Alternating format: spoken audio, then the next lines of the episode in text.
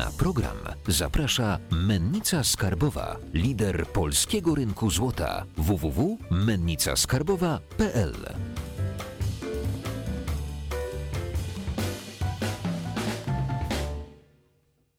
Jacek Jakubiuk, witam na kanale Finansowy Preppers. Naszym gościem dzisiaj jest autor bloga Mistrz Podatków, doradca podatkowy i współwłaściciel jednej z większych kancelarii y, księgowo-podatkowej, Marek Golec. Dzień dobry. Dzień dobry. Dzisiaj chciałbym poruszyć z Tobą trzy tematy. Pierwszy to jest, znaczy wszystkie wokół opodatkowania, ale opodatkowania złota i srebra fizycznego, inwestycji giełdowych i to, co jest ostatnio bardzo modne, kryptowalut. Zaczynając od kryptowalut, przypomniał mi się taki wpis na jednym z portali finansowych o tym, że ktoś kiedyś y, kupił kryptowaluty dawno, dawno temu i zapomniał o nich, teraz sobie przypomniał, chce je sprzedać, ale nie wie, jak to będzie musiał opodatkować, bo kupił to powiedzmy po 100 dolarów, a teraz chce wyciągnąć kilka milionów, prawda? Y, I czy to będzie potraktowane jako nieujawnione źródło dochodu, czy y, mu zabiorą bardzo dużo, czy, czy jak, jak to w praktyce wygląda? Przede wszystkim taka osoba powinna złożyć e, PIT 38 za 2019 rok lub też e, złożyć jego korektę, e, w zależności od tego, jak wygląda jej sytuacja, e, czy PIT 38 był składany, czy nie. Jeżeli ta osoba właśnie w tym PIT-ie nie uwzględniła e, kosztów zakupu kryptowalut, to powinna to zrobić, składając ten PIT albo korektę. E, Ponieważ przed e, czy od 2019 roku zmieniły się radykalnie przepisy dotyczące opodatkowania kryptowalut podatkiem dochodowym. Od 2019 roku zmieniło się źródło przychodów, w ramach którego rozliczamy się z kryptowalut. Teraz źródłem przychodów w PIT-cie, w podatku dochodowym od osób fizycznych, są kapitały pieniężne. Przedtem to były prawa majątkowe. Przed 2019 roku, rokiem, żeby móc y, ująć w kosztach y, koszt zakupu kryptowalut, robiło się to w roku, w którym kryptowaluty były sprzedane. Jeżeli taki holder nie sprzedał kryptowalut do 2019 roku, w jego interesie jest, żeby za y, rok 2019 w PIT 38 ująć koszt zakupu kryptowalut przed 2019 rokiem, ponieważ od 2019 roku koszty zakupu kryptowalut rozpoznaje się w roku ich nabycia. Nieważne, czy kryptowaluty zostały sprzedane, czy nie. Dlatego w momencie, kiedy taki holder będzie sprzedawał kryptowaluty lub je sprzedał w 2020 roku, to żeby miał prawo do kosztów, musi je uwzględnić wstecznie w zeznaniu rocznym za 2019 rok. Jeżeli nie składał zeznania rocznego PIT-38 za 2019 rok, powinien złożyć y, pierwotne zeznanie wraz z zawiadomieniem czynny żal.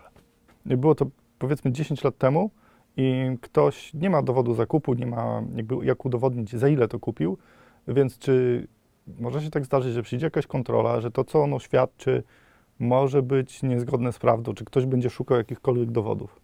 Żeby móc zaksięgować koszt, on musi być y, właściwie udokumentowany.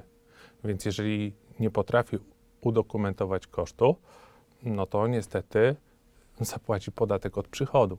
Co do zasady 19%, a tak naprawdę może się zdarzyć, że nawet w wysokości 23% przez daninę solidarnościową, ponieważ y, przychody z kapitałów pieniężnych wliczają się y, właśnie ze sprzedaży kryptowalut, ze sprzedaży akcji, y, wliczają się do limitu daniny solidarnościowej. W 2021 roku ten limit wynosi milion złotych, a podatek nazwany daniną solidarnościową wynosi 4% i jest on płacony od nadwyżki ponad milion złotych. Zatem, jeżeli ktoś ma dochody, na przykład z umowy o pracę, z działalności gospodarczej, nawet opodatkowanej podatkiem liniowym i z kryptowalut, to sumuje te dochody i jeżeli osiągną nadwyżkę ponad milion złotych, to od nadwyżki zapłaci 4%. Zatem może się zdarzyć, że osoba, która sprzedaje kryptowaluty, zapłaci nie 19%, a 23% podatku. Czy w związku z inwestowaniem w ogóle w kryptowaluty są jakieś ulgi podatkowe, które możemy wykorzystać w działalności gospodarczej, czy jakby w życiu prywatnym? Coś możemy sobie odliczyć jakoś? y, coś chociaż na plus. Nie to, że jeszcze dokładamy do tych 23, tylko w drugą stronę. To tutaj postaramy się znaleźć coś pozytywnego. Yy, W działalności gospodarczej nie można rozliczać się z kryptowalut, przynajmniej osoby fizyczne. Nie mówię tutaj o spółkach ZO, czyli o osobach prawnych, zostajemy przy osobach fizycznych. W ramach tej radykalnej zmiany przepisów od 2019 roku nie można już rozliczać kryptowalut w ramach działalności gospodarczej, chyba że jesteśmy giełdą albo kantorem. E, Rozmawiamy tutaj o osobach, które po prostu kupują kryptowaluty y, w celach inwestycyjnych, nie zajmują się tym zawodowo. Wtedy taka osoba nie może rozliczać kosztów i przychodów e, z tytułu zakupu kryptowalut i sprzedaży w ramach pozarolniczej działalności gospodarczej. Musi to zrobić w źródle przychodów, w którym są kapitały pieniężne, czyli rozliczyć się w picie 38. I w tym picie 38 może zaksięgować różnego rodzaju koszty. Przede wszystkim są to koszty, przynajmniej tak ustawa mówi, bezpośrednio związane z nabyciem lub zbyciem kryptowalut, czyli jest to koszt zakupu kryptowalut i yy, prowizje. Uwaga, kosztem y, nie jest y, zamiana jednej kryptowa- kryptowaluty na drugą kryptowalutę i prowizje z tym związane. I teraz są spory przed sądami administracyjnymi odnośnie możliwości zaksięgowania w koszty na przykład koparki. Też chciałem zapytać o, o kopanie kryptowalut, bo niektórzy się zajmują właśnie tym górnictwem i jeżeli kupujemy sprzęt i wykupujemy jakieś, to, to jest jakby koszt i to możemy rozliczyć. Tak uważają sądy. Przynajmniej Wojewódzki Sąd Administracyjny w Łodzi tak orzekł. Natomiast organy podatkowe są innego zdania. Uważają, że to nie jest koszt bezpośredni i uważają, że nie można zaksięgować w koszty koparki. Więc y, to jest sprawa dyskusyjna.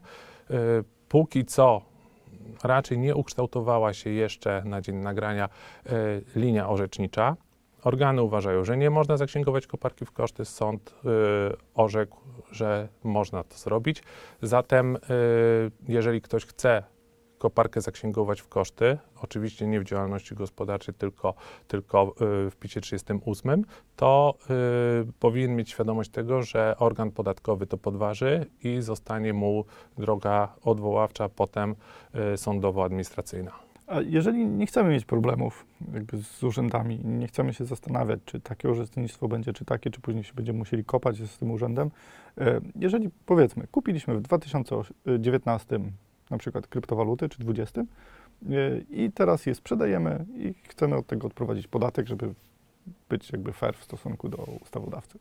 To należy y, na przykład z giełdy, y, może nazwy nie będę podawał, y, wygenerować sobie historię transakcji, rozpoznać przychód na podstawie zamiany kryptowaluty na walutę fiat i kryptowaluty na jakąś usługę, towar lub prawo majątkowe, czyli jeżeli za kawę płacimy, czy za jakąś usługę kryptowalutą, to wtedy też mamy przychód podatkowy, więc musimy rozpoznać w taki sposób przychody i analogicznie rozpoznać koszty, koszty związane z zakupem kryptowalut i y, prowizje z tym związane są również kosztem uzyskania przychodów. Robimy zestawienie w tym picie 38, uwaga, w innej rubryce niż akcja.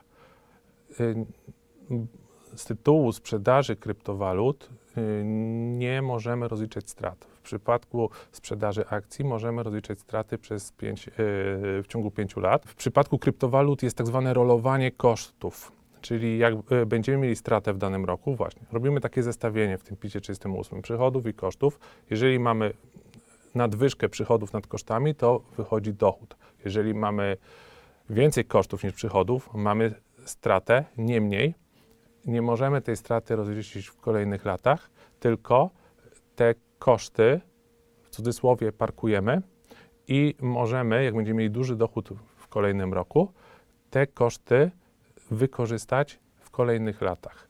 Więc y, w taki sposób y, należy rozliczać y, PIT 38 w przypadku handlu kryptowalut. Jak już jesteśmy przy akcjach, e, możemy rozliczać koszty e, do 5 lat, e, znaczy Straty do stratę pięciu do lat. 5 lat. Mhm.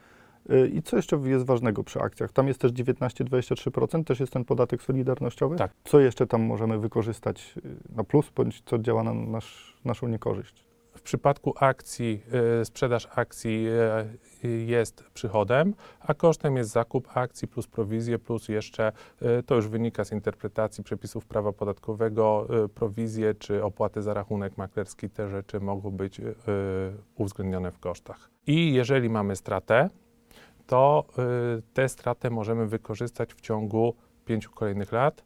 Y, I uwaga, taka zmiana była parę lat temu, może nie każdy y, tego jest świadomy, że w pierwszym roku, jak odliczamy stratę, to możemy y, 100% straty odliczyć. Czyli nie jest tak, że 50% straty, nie więcej niż 50% straty, w jednym roku możemy rozliczyć aż 100% straty.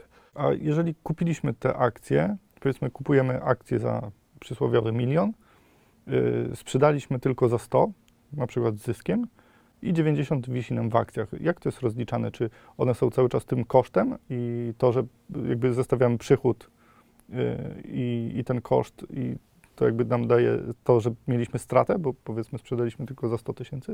Y, tak, czyli kupiliśmy akcję za milion, sprzedaliśmy za 100 tysięcy, to teraz... y, Ale jeszcze mamy dużo akcji. Dużo prawda? akcji, I to- to wysz, te wyszły nam na plusie, prawda? Na plusie, Y, czyli załóżmy, że, kup, że sprzedaliśmy akcje, y, które łącznie kupiliśmy za 50, y, koszt akurat tych zbytych akcji wyniósł 50 tysięcy złotych i zarobiliśmy też różnicę 100 tysięcy minus 50 tysięcy, czyli 50 tysięcy Tak, złotych. 100%.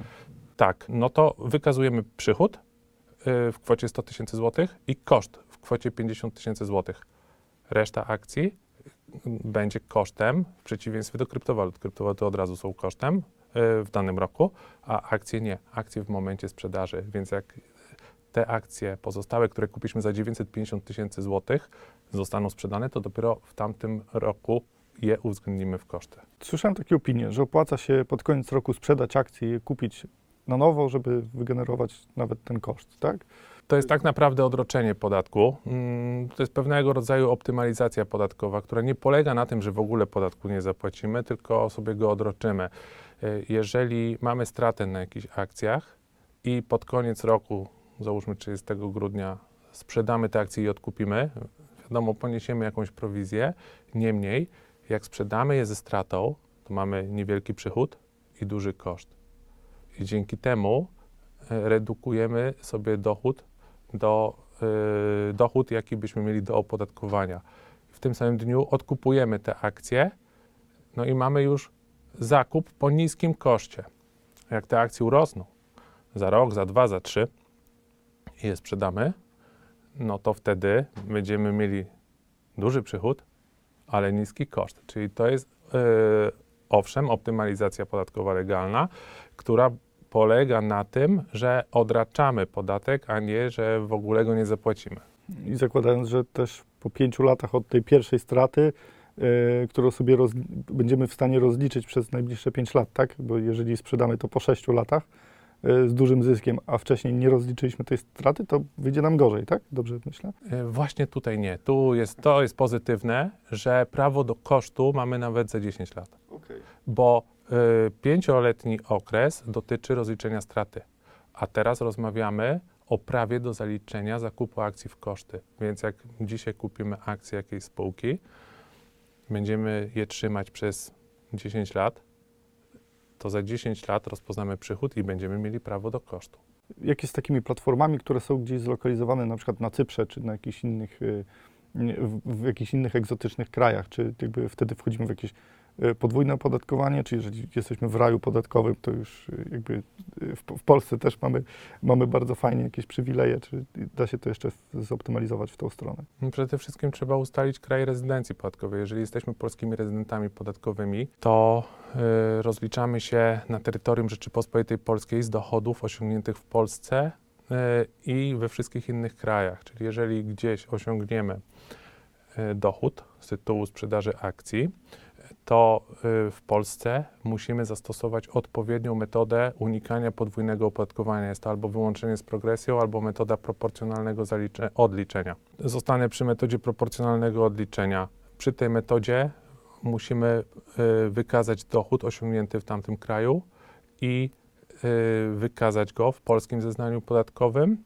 i mamy prawo do odliczenia podatku, który zapłaciliśmy tam. Jeżeli tam zapłaciliśmy na przykład 5%, no to w Polsce będziemy musieli dopłacić różnicę między 19 a 5% podatku.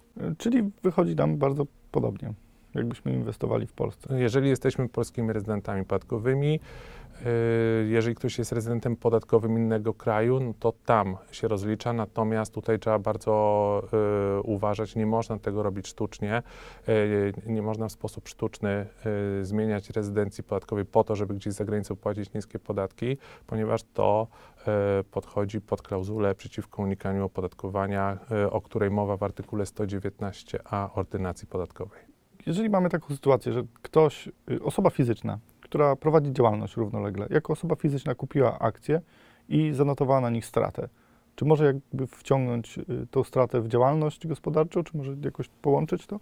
W przeciwieństwie do kryptowalut można rozliczać y, handel akcjami w ramach pozarolniczej działalności gospodarczej. Można to zrobić. Wtedy koszt zakupu akcji jest kosztem w naszej działalności gospodarczej. Niemniej trzeba uważać, bo jak nie sprzedamy do końca roku tych akcji, to one nam, mówiąc kolokwialnie, wylecą z kosztów remanentem na koniec roku, na 31 grudnia. Czyli w tym wypadku się opłaca y, sprzedać na koniec roku i ewentualnie kupić w nowym. w obu y, na pewno się opłaca, jeżeli się rozliczamy prywatnie w picie 38, bo wtedy y, rozpoznajemy niski przychód i mamy prawo do wysokiego kosztu, a w działalności gospodarczej też jak sprzedamy 30 grudnia na przykład, to mamy y, niski przychód i już mamy prawo do zaliczenia tych kosztów i one nam, y, tak jak powiedziałem, nie wylecą remanentem y, tak na konies roku.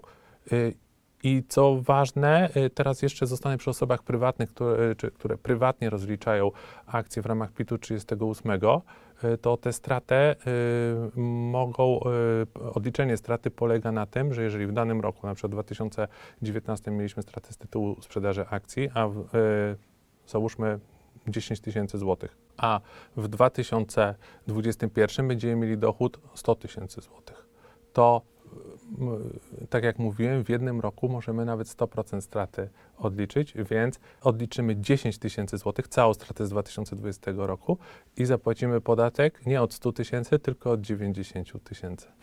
Czy na tych rynkach finansowych możemy się w jakiś sposób zopt- zoptymalizować? Słyszałem, że stablecoiny są bardzo e, popularnym narzędziem, żeby nie wychodzić z rynku, a tak, tak jak mówiłeś, że płaci się tylko wtedy, kiedy się przechodzi do fiata albo kupuje jakieś y, dobra materialne, tak? czy towary, czy usługi, czy prawa majątkowe, y, więc y, zamiana, zamiana kryptowaluty na kryptowalutę nie jest przychodem, zatem y, zamiana mm, na przykład bitcoina w jakiś stablecoin nie rodzi przychodu podatkowego. Jeżeli mamy bardzo duży zysk czy dochód na bitcoinie, czy na jakiejś innej kryptowalucie i ją zamienimy pod koniec roku na stablecoina, na początku kolejnego roku tego stablecoina zamienimy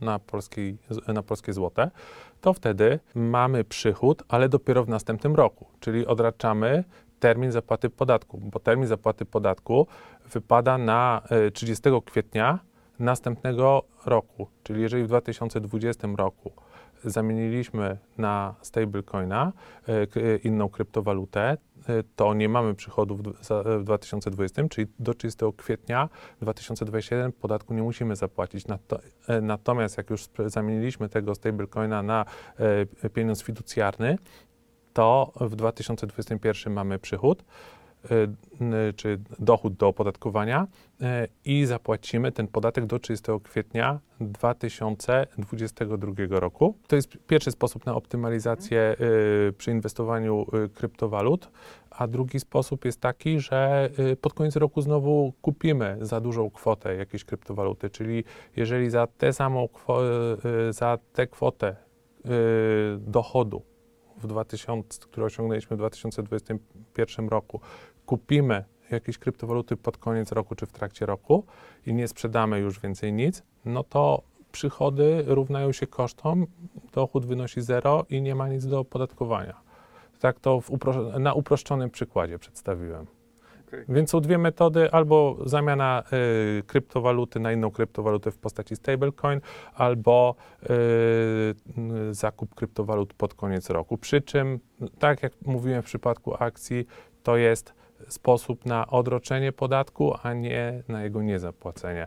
I też niektórzy, oczywiście, można spotkać jakieś wypowiedzi, żeby e, rozliczać e, w innych krajach kryptowaluty, czy, czy zmienić rezydencję podatkową. Natomiast e, tutaj przestrzegam, to nie może być robione w sposób sztuczny. Jeżeli jesteśmy polskimi rezydentami podatkowymi, musimy się rozliczać tutaj w Polsce. To jak zamknęliśmy tak w skrócie y, temat kryptowalut i giełdy, to jak jest z fizycznym złotem i srebrem?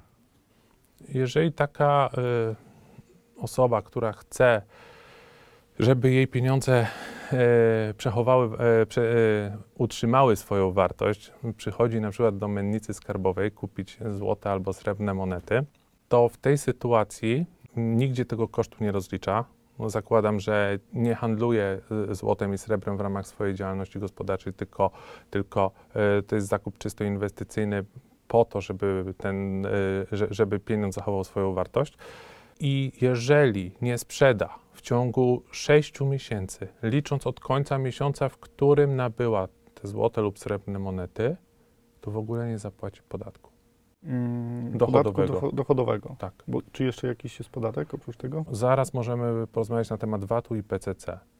Natomiast e, jeżeli taka osoba sprzeda w ciągu pół roku, licząc od końca miesiąca, w którym nabyła te złote lub srebrne monety, e, lub w innej postaci, złoto czy srebro, na przykład w postaci sztabek, e, to będzie musiała się opodatkować według skali podatkowej w takim źródle przychodów, e, mm, które, które jest e, wskazane w artykule 10 ustęp 1 punkt 8 litera D ustawy o podatku dochodowym od osób fizycznych, to jest przychód z tytułu zbycia innych rzeczy.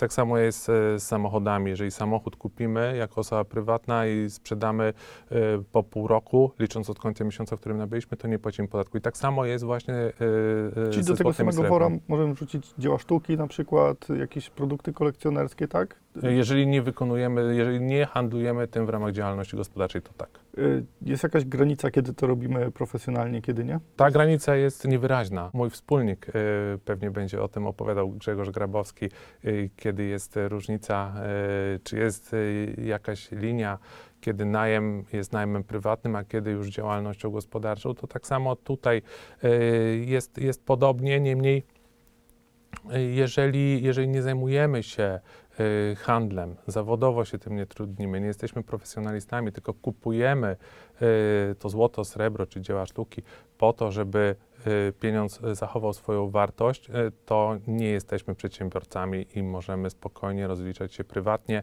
czyli po pół roku, licząc od końca miesiąca, w którym nabyliśmy te rzeczy, y, sprzedajemy je bez podatku dochodowego. A co z PCC i VAT-em? Jeżeli y, mówimy o zakupie od takiego podmiotu, jak na przykład mennica skarbowa, y, czyli który się zajmuje profesjonalnie handlem złotem i srebrem, to y, PCC nie zapłacimy, ponieważ jest taki przepis w ustawie o podatku od czynności cywilnoprawnych, który mówi, że jeżeli czynność jest opodatkowana VAT-em albo y, podlega zwolnieniu z podatku od towarów i usług, to czynność nie podlega podatkowi od czynności cywilnoprawnych. Zatem, jeżeli do mennicy skarbowej ktoś przyjdzie, kupi złotą lub srebrną monetę, to nie zapłaci PCC, bo złoto y, takie inwestycyjne jest zwolnione z VAT-u, a srebro podlega pod procedurę VAT marża. Dlatego ta osoba PCC nie zapłaci. Natomiast jeżeli kupilibyśmy y, złoto lub srebro od, y, nie mówię tutaj o biżuterii, no mówię stricte o, o takim złocie inwestycyjnym.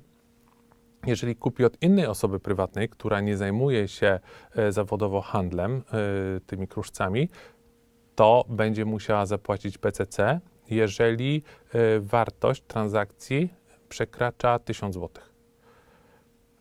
Jeżeli chodzi o VAT, osoba prywatna, jeżeli sprzedaje złoto lub srebro, y, to y, czynność nie podlega VAT, bo podatnikiem na gruncie podatku od towarów i usług je, y, jest osoba, która w rozumieniu ustawy o VAT prowadzi działalność gospodarczą, a w rozumieniu ustawy o VAT działalność gospodarczą prowadzą producenci, handlowcy, usługodawcy. Jest to wszelka działalność producentów, handlowców, usługodawców. Taka osoba nie jest y, handlowcem. Ona nie handluje złotem. Ona sprzedaje swój majątek prywatny. Robi to w ramach zarządu majątkiem prywatnym. Zatem ta czynność nie będzie podlegała opodatkowaniu VAT, ani w ogóle pod ustawę o VAT. Nie, nie będzie zwolniona e, z VAT-u, po prostu nie będzie podlegała VAT-owi. I w tej sytuacji, e, jeżeli e, do mennicy skarbowej przyjdzie taka osoba, sprzedać złotą monetę, no to mennica skarbowa e, będzie musiała zapłacić